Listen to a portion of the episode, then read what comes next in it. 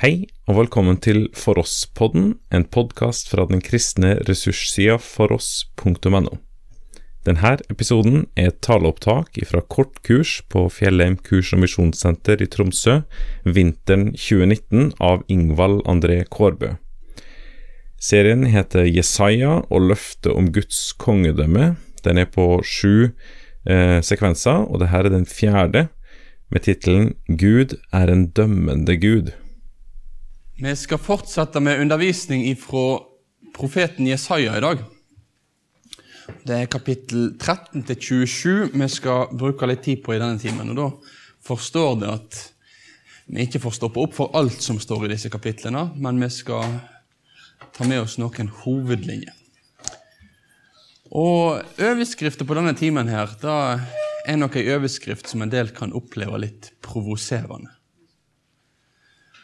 Når jeg sier at Gud er en dømmende Gud Ordet å være dømmende, det at noen er dømmende Er det noe som har positive eller negative eh, signal med seg i vår tid i dag? Eller jeg tror veldig ofte så er det noe veldig negativt. Hvis det er noe som er dømmende, så er det, det er noen ikke vil ha noe av. Hvem er en person som uttaler seg om noen andre? Men samtidig, hvis vi snur litt på det Ønsker jeg at en dommer skal være dømmende? Er det sånn at jeg ville gått opp til dommeren i en rettssak og sagt 'Å, du er så dømmende'. Slutt å være så dømmende, da. Nei, Det ville jeg ikke sagt, for det er jo hans jobb. Han er jo dommer. Så poenget når vi snakker om det å dømme, det handler om at det er noen som har rett til å gjøre det. At det er noen som er kalt til å være den som feller dommer. Og da er egentlig avgjørende spørsmålet det er hvem er det som har rett til å dømme? Og Vi har i Isaiah-boka begynt med kapittel 6 og sett hvordan det er en som sitter på ei høyt opphøgd trune over alle konger, over alle folkeslag. Det er en som blir løftet opp som den opphøyde.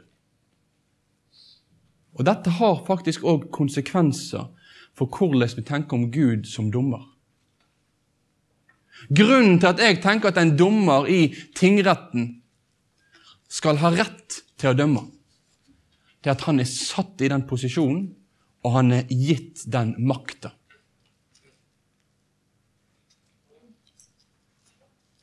Vel, Bibelen forteller meg om en som er satt ved Faderens høyre hånd, og som skal komme igjen for å dømme levende og døde. En som sa om seg sjøl at han er gitt all makt i himmel og på jord. Så faktisk så er det en av mine grunnleggende læresetninger om Gud, er at han er en dømmende Gud. At han er en Gud som dømmer. Og Nå skal vi i denne timen bruke litt tid på hvordan dette i Jesaja-boka blir løfta fram og tatt opp. Og, og, kanskje gjennom det prøve å forstå litt òg av hvordan Gud faktisk dømmer, både i dag og ved enden av verdenshistorien. Vi skal be i lag aller først.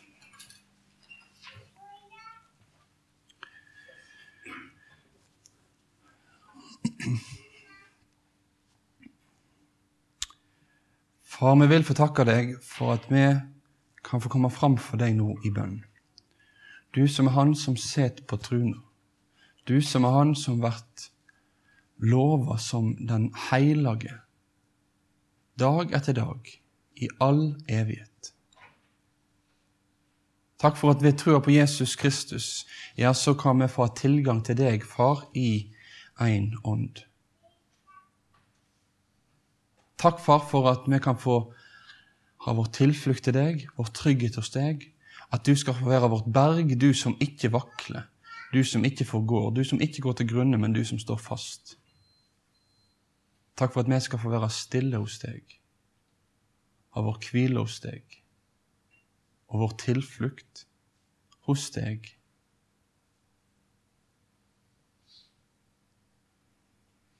Og nå ber jeg deg for denne timen, at det kan få være en time der du hjelper oss til å forstå mer av hvem du er, og hvordan du handler. Sånn at vi kan fortelle sant om deg, både for oss sjøl og i møte med våre medmennesker.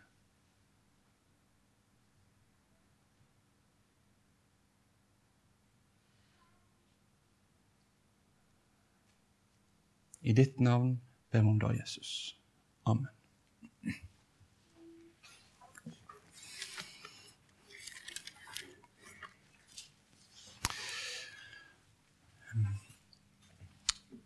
Før vi stopper opp for noen av de tekstene som står i Jesaja 13-27,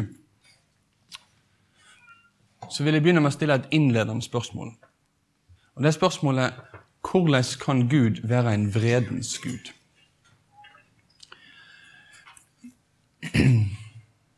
For, for uh, hvis jeg tror at det er Bibelens Gud, som er den sanne Gud, hvis jeg tror at det er Han som møter meg i Bibelen, som er den ene sanne Gud fra evighet til evighet, ja, så møter jeg jo i Bibelen et radikalt budskap om en djup kjærlighet. En kjærlighet som Efeserbrevet beskriver som lenger, bredere, høyere, djupere enn noen kan forstå. En kjærlighet som er så stor at Jesus går i døden for å frelse mennesket. Jeg møter en Gud som i kapittel etter kapittel og i bok etter bok viser seg som den miskunnsomme Gud, som den nådige Gud, som den trufaste Gud. Men som samtidig òg viser seg som den Gud som tar et oppgjør med urett. Som ikke lar den skyldige forbli ustraffa. Som holder sine fiender ansvarlig.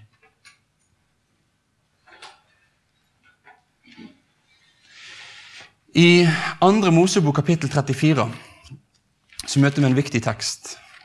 Og Den teksten skal vi ta med oss helt i, i starten. Grunnen til at den teksten er viktig, eller En grunn til at den teksten er viktig, er at det er en tekst som viser oss et helt bibelsk gudsbilde. For i Bibelen er det ikke sånn at fordi at Gud er nådig, så kan ikke Han være en Gud som blir vred. Nei, tvert imot så ser vi i åpenbaringen av Gud til Moses, hvordan Herren han skal presentere for Moses hvem er jeg, hvordan er jeg, ja, så sier han til Moses i kapittel 34 og vers 6. Herren er Herren, en mild og nådig Gud, sein til vrede og rik på miskunn og sanning. Han held fast på sin miskunn i tusen slektsledd og tilgjev synd, skuld og lovbrudd. Vi kan stoppe der. Sånn begynner Herren med å beskrive seg sjøl rett etter episoden med gullkalven. Når israelsfolket har gjort opprør mot Herren, så er noe av det første Herren sier om seg sjøl til Moses etterpå, det er at jeg er en mild og nådig Gud sein til vrede, rik på miskunn. Jeg tilgir synd, skyld. Jeg lar min miskunnhet vare i tusen slektsledd, Moses. Sånn er jeg. Og sånn er Bibelens Gud. Så når vi snakker om Guds vrede, så skal vi også merke oss sånn som denne teksten her, som understreker at Gud er sein til vrede. Eller han er langmodig. Det er ikke Guds djupe ønske i himmelen der han sitter og bare lengter etter noen han kan straffe. Nei, han er en miskunnsom Gud. Han er en Gud som ønsker å se i nåde til sitt folk. Han er sein til vrede. Men teksten stopper ikke der. Teksten fortsetter med at Herren sier om seg sjøl, men han lar ikke den skyldige slippe straff. For synder til fedrene straffer han barn og barnebarn og tredje og fjerde slektsledd. Han lar ikke den skyldige slippe straff. Begge deler sier Herren om seg sjøl. Han er mild, han er nådig, han er sein til vrede. Men samtidig så er han òg den som holder sine fiender ansvarlig.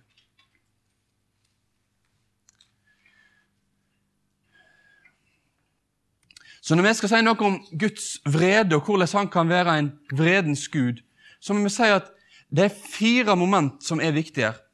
For det første, Guds vrede er ren. Den er ikke drevet av syndige motiv. Når jeg blir vred, når jeg blir harm, så er det sånn at min syndige natur den er miksa oppi dette her.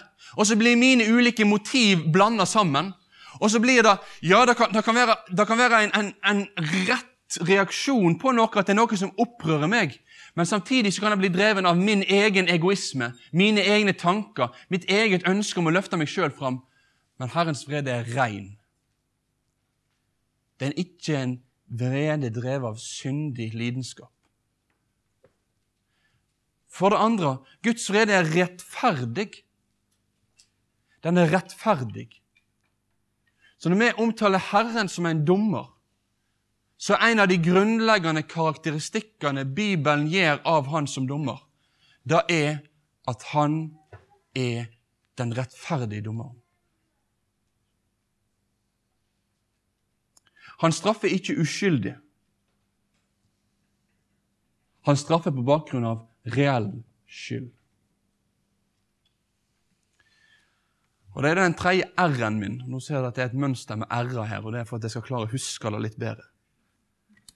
Nå kommer jeg til et litt spesielt ord, men det er at Guds vrede er reaktiv. Altså, det er en, det er en gjengjeldelse. Hans vrede er ikke hans måte, grunninnstilling, men det er noe som kommer på bakgrunn av menneskets handling. Og det fjerde er at Guds vrede er reell. Den er reell. Den er ingen, fantasi. Den er ingen forestilling et menneske har. Den er ekte.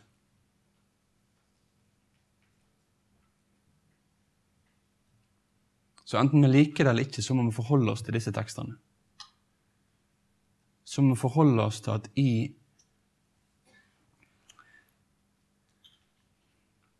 I Bibelen så er Gud en Gud som dømmer.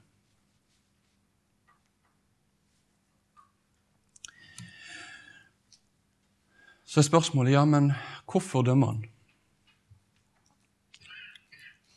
Og Hadde vi gått gjennom kapittel 13, 14, 15, 16 og fram til kapittel 23 i detalj, så kunne vi sett at det er en del ting som går igjen. Nå skal vi bare stoppe kort opp for noen tekster jeg får på skjermen her. Tekstene kommer på nynorsk. Jeg, ellers så har jeg prøvd å holde presentasjonene på bokmål, men jeg bruker jo nynorskbibel, og da er det det som òg kommer på skjermen her. I Jesaja 13 står det jeg vil heimsøke jorda for vondskapen hennes, og de gudløse for syndene deres. Jeg vil gjøre ende på hovmodige og de sjøltrygge, og kua trassen i valsmenn. Så det er snakk om ondskap, synde, hovmod, trass. I kapittel 14 så kan vi se hvordan dette hovmodet òg egentlig blir videreført. Det er en som sier i sitt hjerte at 'jeg vil stige opp til himmelen'. 'Høgt over Guds stjerne vil jeg reise trona mi'. En tekst som av og til har blitt brukt for å si noe om, om djevelens fall. I teksten i Isaiah 14 så, så, ser det ut til at i første omgang så handler det om kongen av Babel. Men ut ifra sånn som Nytestamentet i noen små glimt beskriver for oss, det fallet som har vært i åndeverdenen før fallet på jorda. Da djevelen drar med sine engler, ja, så kan vi iallfall se at her er det noen klare likskapstegn. Til at han var den som reiste seg opp, ville bli som Gud. At han ville sjøl styre, ville sjøl bestemme. Jesaja 16. Vi har hørt om det veldige overmotet til Moab, hvor stolt han er, og hvor overmodig og frekk, og om det tomme skrytet hans. Stolthet er noe Gud i Bibelen igjen og igjen understreker at han står imot. Stoltheten som handler om å bygge sitt liv, bygge sin sikkerhet. Bygge sin trygghet på noe annet enn Herren. Obadjas bok er kanskje en av de bøkene som aller tydeligst tar opp dette med hovmod og stolthet. Der Obadja skriver til, til et av Israels sine nabofolk og kritiserer dem for at de ser ut til å tenke at ingenting galt kommer til å skje med oss. Vi er trygge. For vi bor i en festningsby oppe i fjellene. Vi har et så godt forsvar her at dette her går bra. Vi trenger ikke noe hjelp. Vi trenger ingen hjelp ifra Herren. Vi klarer oss fint sjøl. Så det er denne grunnholdningen her som Jesaja tar opp og viser at er i Det gamle testamentets tid. Vi trenger ikke Gud. Ja, Kanskje vi trenger han på papiret, men i hverdagen da klarer vi oss fint sjøl.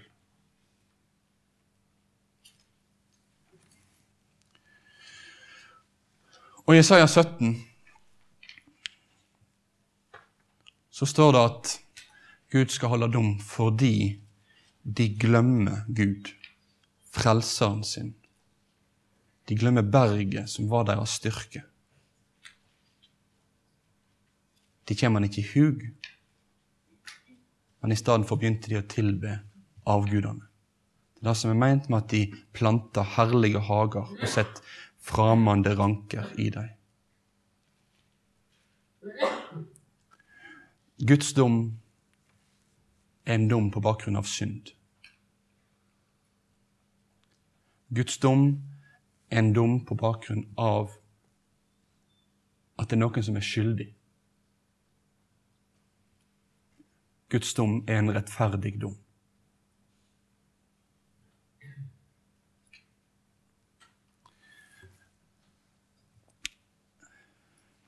Og Videre så er det sånn at når vi leser i Gamle Testamentet, så kan vi lett tenke at Det gamle testamentet og dommen ja, det handler om israelsfolket. Det er israelsfolket som er i fokus, og det er de store deler av Gamle Testamentet. Men det som er veldig spesielt i akkurat denne delen her av Jesaja-boka, det er at Jesaja henvender seg ikke bare til israelsfolket. Han henvender seg til alle nabofolkene som bodde rundt Israel på den tida. Og dette er ikke noe som bare Jesaja gjør. Vi ser at Jeremia gjør det samme. Vi ser at Esekiel gjør det samme. Vi ser at Amos gjør det samme. Vi ser at Zakaria gjør det samme. I bok etter bok i Gamle Testamentet så kan vi se hvordan Gud er den Gud som holder alle folkeslag ansvarlig.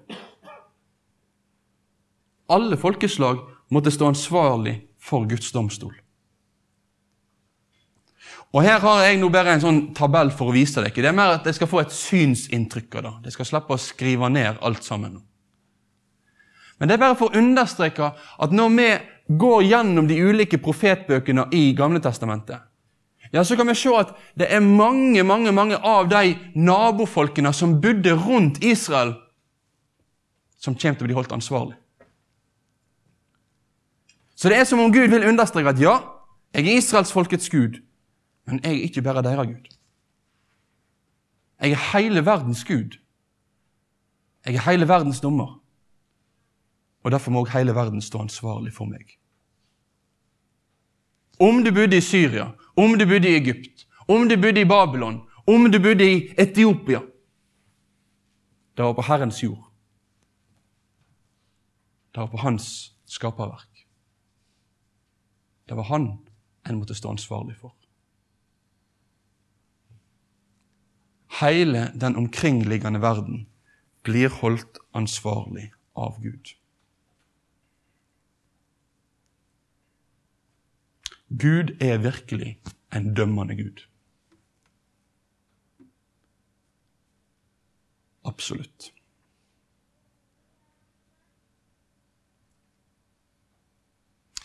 Det er mye mørke. Veldig mye mørke i disse kapitlene. Men innimellom kommer det noen lysglimt. Og Jeg skal nevne et par av dem til dere nå. Så skal man komme mer tilbake til det mot slutten av timen. For midt i en beskrivelse av at her er det mange folk som skal stå ansvarlig for Herren, mange rike som skal komme til å bli knust. For dommen her det handler om at rikene skulle bli knust. altså Det er en dom i tiden. Da Gud skulle gripe inn og sørge for at Asyrerriket skulle falle, at Babelriket skulle falle, at Egypt skulle falle. At de ikke skulle kunne reise seg opp og tenke at de hadde bygd noe som kunne stå inn i evigheten. Nei, tvert imot. Når ondskapen vokste, når de mer og mer og mer distanserte seg fra Herren, ja, så kom det til et tidspunkt der Herren sa at nok er nok. Nå faller dette riket. Nok er nok. Nå får ikke den ugudeligheten gå lenger. Nok er nok. De må stå ansvarlig for deres urett. Men midt i alt dette her så blir det gitt òg noen frelsesløfter. Noen små glimt av at i framtida skal det komme til å skje noe med en del av disse folkene som nå blir omtalt. En gang der framme ja, så, så, skal vi, vi se at, at, disse folkene som blir holdt ansvarlig for Herren, det skal òg være folk der mennesket vender om til Herren.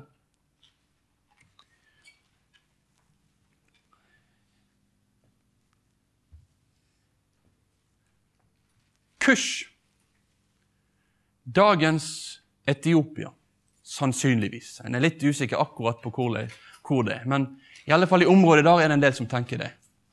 De er omtalt. Og så står det her i Jesaja 18, vers 7. På den tida Det er ei tid der framme når Gud skal komme med sin frelse. Denne kongen som skal komme. Ja, så skal gåve bæres fram til Herren, allherrs Gud, fra det høgreiste folket med glinsende hud. Fra det folket de ottast vide ikring, det mektige folket som trakker andre ned, det folket som bor i et land som blir gjennomskåret av elver, elver, til den staden der navnet Herrens allherrs Gud bor, til Sions berg. En gang så skulle det skje at ifra dette folket her så skulle mennesket få komme til Herren.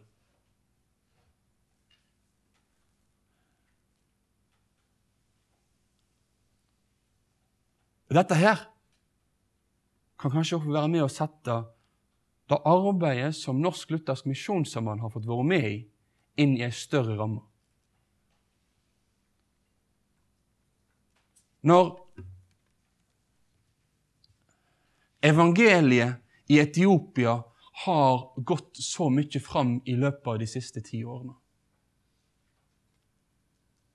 Når det har vært en vekkelsesvind som har spredd om seg der, og vi i dag møter lutherske kirkesamfunn som er, har flere medlemmer enn det vi er i Norge, så ser vi hvordan det vetle glimtet som har gitt i Isaiah-boka, om at en dag så skal dette folket få bære fram gave til Herren. Så ser vi oppfyllelsen og hvordan det sprenger rammene for dette her. Det er ikke bare én eller to etiopere, men det er på millionvis millionvis som har fått kommet til Herren som sin frelser. Men ikke bare der.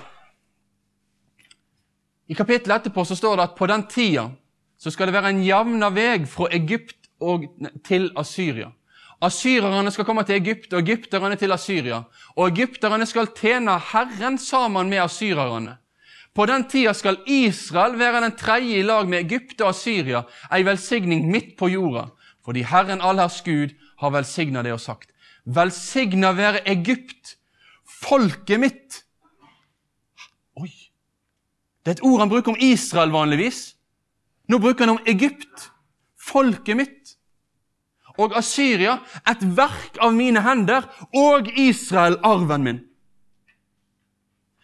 Så det er noen sånne glimt her framover at en dag der framme i historien ja, så skal vi se at Guds folk det skal være et folk av israelittene som lever med Herren, men òg av de som kommer fra andre folkeslag og andre tungemål, men som har fått tatt sin tilflukt til Herren.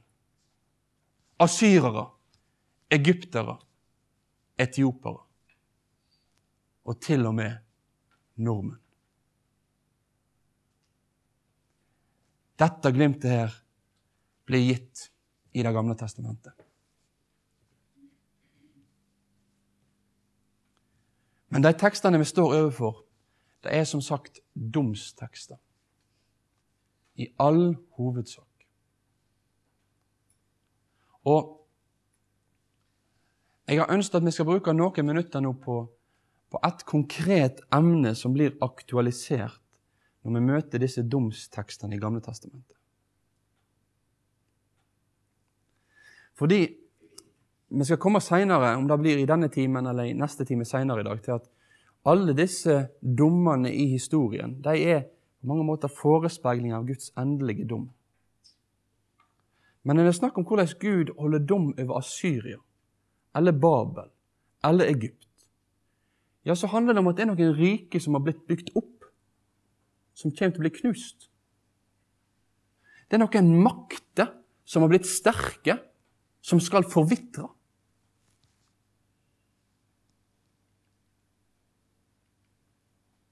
Og Da er spørsmålet vi er nødt til å tenke over, det er Hvordan er det i dag? Hvordan tenker vi om Guds inngripen inn i historien vår nå? Er Gud en Gud som dømmer i dag?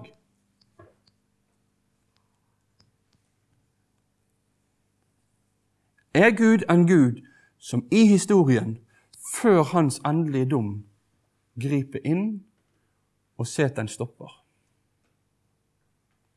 Eller har Gud trukket seg unna på en sånn måte at ja, han skal komme igjen for å dømme levende og døde, men her og nå så er det andre ordninger som, som, som gjelder? Hvordan, hvordan kan vi tenke om dette her, forstå dette her?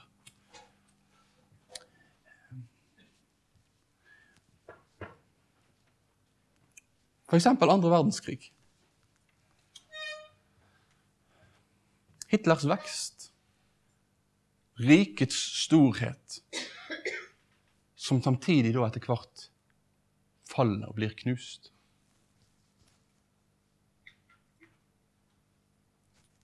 Er dette Guds dom, eller er det noe som bare skjer?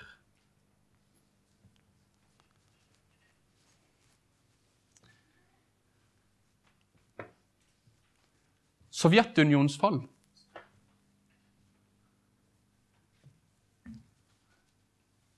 Var det noe Guds dom over det? Eller var det noe som skjedde?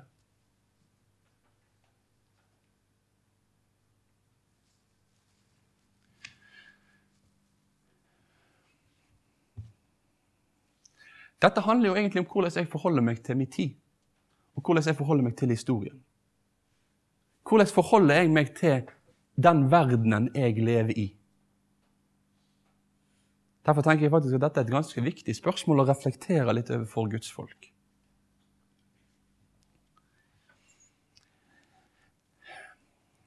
Jeg mener at vi ut ifra Bibelen må holde fast med to holdepunkt. To holdepunkt når vi skal snakke om Guds dom i tiden, da Gud griper inn, griper inn til doms. For det første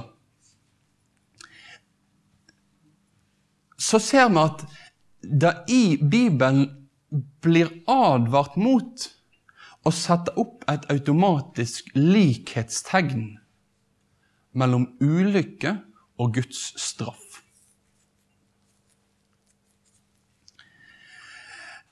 Vi skal slå opp og lese i Lukas kapittel 13.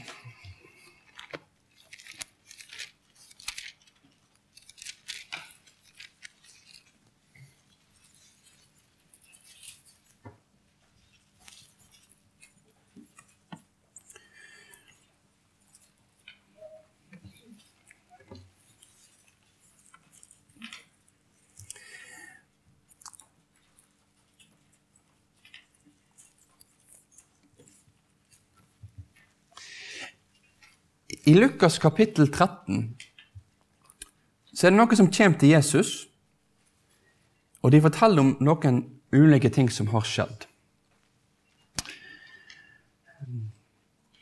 Det ser ut som at det læresveinene har vært en sånn sterk tankegang av en sammenheng mellom synd og straff. Mellom ulykke og at her er det Gud som straffer. Og Da står det i Lukas 13. På den tida kom det nokre til han og fortalte om de galileerne som, som Pilatus hadde drept medan de ofra, så blodet deres blanda seg med blodet fra offerdyra. Da tok Jesus til orde. Tror de at disse var større syndere enn alle andre galileere, siden det gikk så ille med dem? Nei, sier jeg. Men vende det ikke om, skal det alle omkomme på samme måten. Alle de 18 som ble drepne da Siloatårnet rasa sammen. Tror du at de hadde større skyld enn alle de andre som bor i Jerusalem? Nei, sier jeg. Men vender det ikke om, skal det alle omkomme på samme vis. I denne teksten ser Jesus ut til å advare mot den tanke at grunnen til at det var et tårn som raste over noe, eller grunnen til at noen var drept av Pilatus, da var at de var så mye verre enn andre. Og Jeg mener at Det også har føringer for hvordan vi tenker om Guds dom i dag. Hvis jeg ser det går skikkelig galt med et rike, eller jeg ser i historien at noe skjer, ja, så må jeg ha en ydmykhet overfor at disse tekstene her viser meg at det er ingen automatiske likhetstegn. Guds handlingsmåte i denne verden er skjult for meg. Når det gjelder domsordene i Gamle testamentet, så er det sånn at det blir åpenbart for profetene at Gud griper inn til dom. Og årsaken til dommen blir òg åpenbart. Men sånn er det ikke uten videre for oss i møte med ulike katastrofer og ulike kriser som rammer verden i dag. Det er ikke åpenbart for meg hvis en naturkatastrofe inntreffer, eller hvis det blir krig i et land, årsaken til det. Det er skjult for meg. Men jeg vil ikke bare si skjult for meg, jeg vil si skjult for oss. Fordi Gud har ikke åpenbart det i sitt ord. Derfor mener jeg vi må ha en ydmykhet i møte med dette her. Og faktisk kunne si at ja, jeg ser ikke sammenhengene. Men så kommer vi til det andre holdepunktet òg. Jeg vil samtidig veldig tydelig fastholde at Gud griper inn til doms i historien for å begrense ondskap. At han gjør det i dag.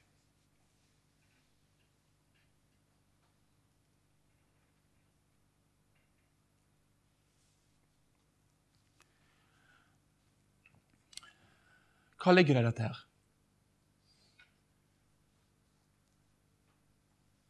Jo, i det ligger det at jeg skal være forsiktig med å uttale meg bastant på Guds vegne. For dette tilhører den skjulte Gud, da han ikke er åpenbart. Men jeg skal være klar over at Gud er en Gud som er virksom i vår tid og i vår historie. Og Da blir mitt spørsmål hva er da min reaksjon i møte med ulike ting som skjer? Hva er min reaksjon i møte med katastrofe, i møte med ulykke, i møte med krig? Hva er vår reaksjon? Og jeg tenker Denne Teksten i Lukas 13 faktisk lærer oss noe viktig om akkurat det. Ansikt til ansikt med katastrofen så blir Guds folk kalt faktisk ikke til å finne svar, men til omvendelse. til omvendelse. Jesus begir seg ikke inn på et spor der han nå begynner å, å forklare at nei, det som skjedde ved Siloas tårn, det var sånn og sånn og sånn. Og grunnen til at Pilatus sine menn tok livet av disse folkene her, det var sånn og sånn og sånn. Nei, det som Jesus sier, det Hvis ikke det vender om, så kjenner jeg at det går verre med dere. Og Når jeg ser på, på, nyhetene, når jeg ser på det, ting som skjer i vår verden i dag, så er det et kall til omvendelse for meg og for deg.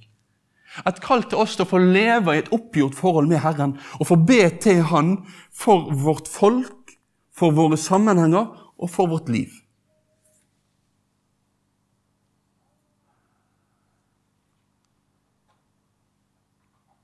Sånn forstår jeg i alle fall disse tekstene her. Det er tekster som viser oss en handlende Gud, en aktiv Gud. Og samtidig så er det òg sånn at vi ikke uten videre kan svare på i enhver situasjon i vår tid hvorfor noe skjer. Men når det skjer, så er kalt til å komme fram for Gud i det.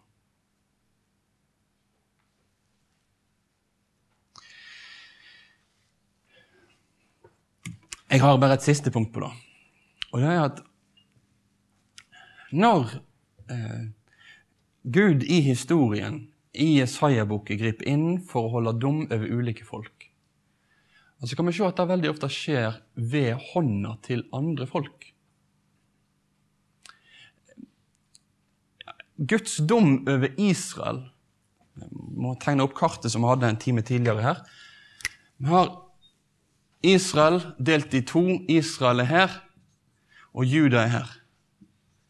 Så skjer jo da i løpet av Jesajas tid som konge at Israel, Nordriket med hovedstaden Samaria, blir knust. Dommen blir felt over Israel. Og hvem skjer det ved? Jo, det skjer ved Asyria. Det er ved Asyria. Det er de som kommer, det er de som invaderer landet, det er de som tar det. Men det interessante er at Asyria blir også sjøl holdt ansvarlig. For asyrerne de ser ut til å begynne å skryte. Bare se hvor mektige vi er, da. Se hva vi klarer å få til. De der israelsfolket de tar vi uten noe problem som helst. Men Bibelen viser at det er ikke det som klarer å få til dette. her. Det er ikke pga. deres makt. Det er ikke pga. at det er så veldig sterke. Det er ikke sånn at, at, eh, at Hva er det som står? Det er noe i retning av at Ja Jeg kan, jeg kan se om jeg finner verset her. Kan øksa briske seg mot han som høgg, set saga seg over han som sager, står det i Jesaja 10 og vers 15. Og Sånn ser det ut som at, at Asyria da har vært i Guds hånd. De har vært den øksa som har hogd, eller den saga som har sagd. Og så tenker de det er vi som har makt, men så er jo de bare ei sag. Og så blir de òg holdt ansvarlig. Og så kan vi se at Gud han er også den som sier at pga. deres stolthet så må det òg en dag stå ansvarlig for meg. Dette er nok ikke et emne vi snakker så mye om til vanlig, men jeg tenker det er et viktig emne for oss å tenke på og prøve å forstå i lys av Guds ord. Både hva vi kan si, og hva vi ikke kan si om hvordan Gud i denne verden handler.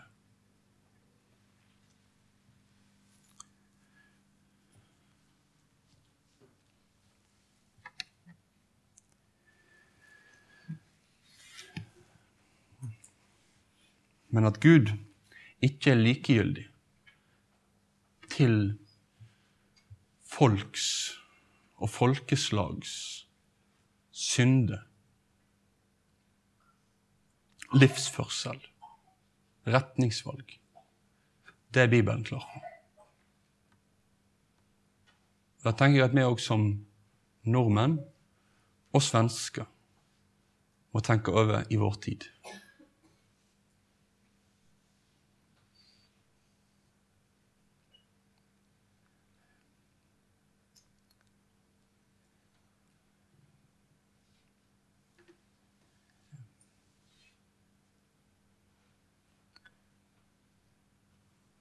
Og Herren vil holde Norge ansvarlig.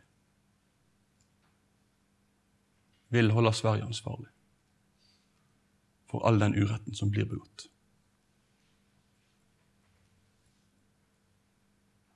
Hvordan det skjer, det vet vi ikke. Men det vi vet, er at alle skal fram for Herrens domstol.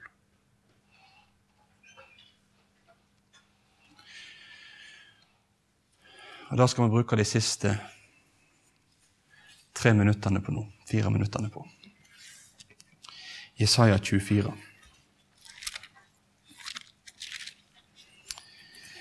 Jesaja 24, etter at alle disse lokale dommene har blitt presentert. Det har blitt omtalt med Syria, med Egypt, med Kush, med Moab, Edom.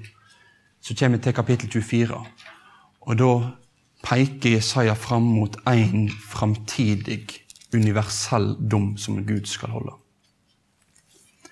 Sjå, Herren herjer jorda og legger henne aud.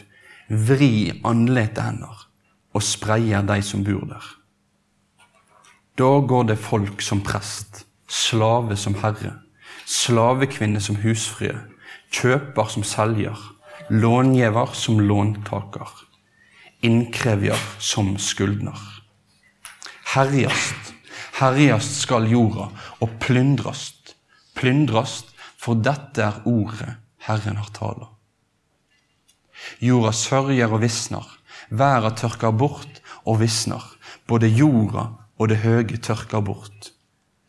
Jorda er vanhelga av de som bor der.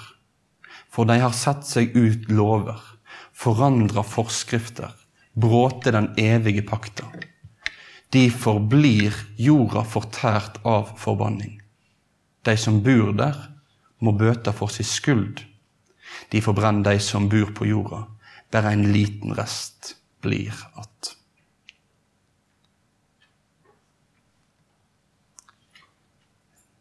Det er et brutalt bilde som møter oss her. En Gud som herjer jorda. En Gud som nå griper inn for å holde sin universelle dom.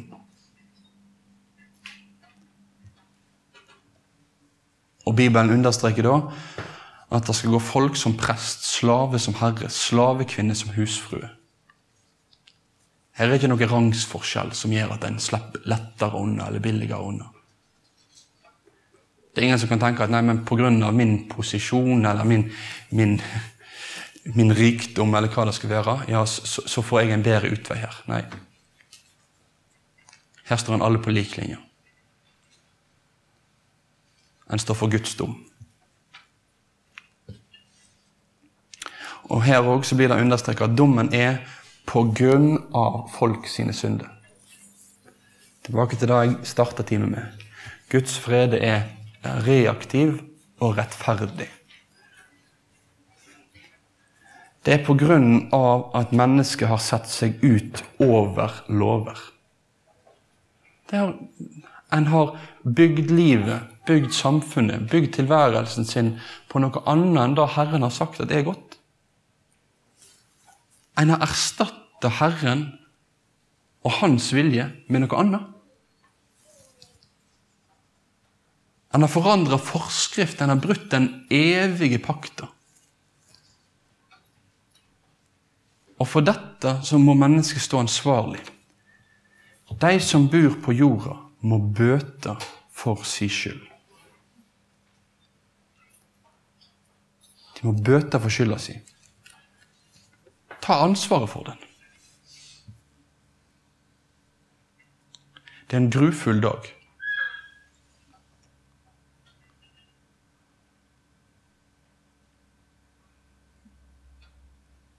Og det er en herlig dag. Og Det er det spesielle i, i Bibelens beskrivelse av denne dagen. Denne dagen som i en del av profetbøkene har vært omtalt som Herrens dag.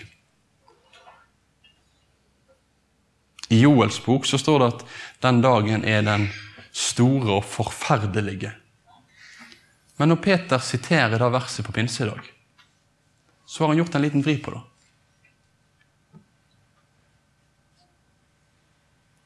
Han snakker om Herrens dag som skal komme. Den store og Da er ikke det forferdelig lenger, men herlige. Hva er det som har skjedd der? Jo, Det er noe av den dobbeltheten knytta til det Guds dom.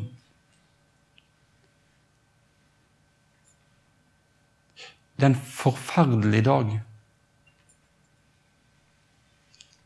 for den som står Gud imot. Men for den som med sin synd har fått vendt om til Herren, så er det en herlig dag. Altså fordi at det er den dagen når all elendighet er forbi. Men det emnet skal vi fortsette med etter det har fått tatt en refleksjonstime.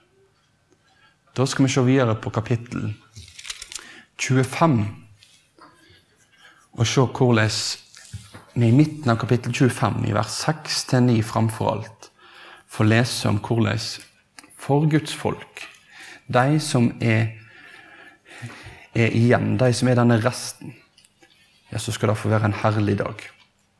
Et festmåltid. Du har nå hørt et taleopptak fra kortkurs på Fjellheim kurs- og misjonssenter i Tromsø vinteren 2019 av Ingvald André Kårbø. Serien heter Jesaja og løftet om Guds kongedømme, og dette var den fjerde med tittelen Gud er en dømmende Gud. Finn flere ressurser, og vær gjerne med å støtte oss på foross.no.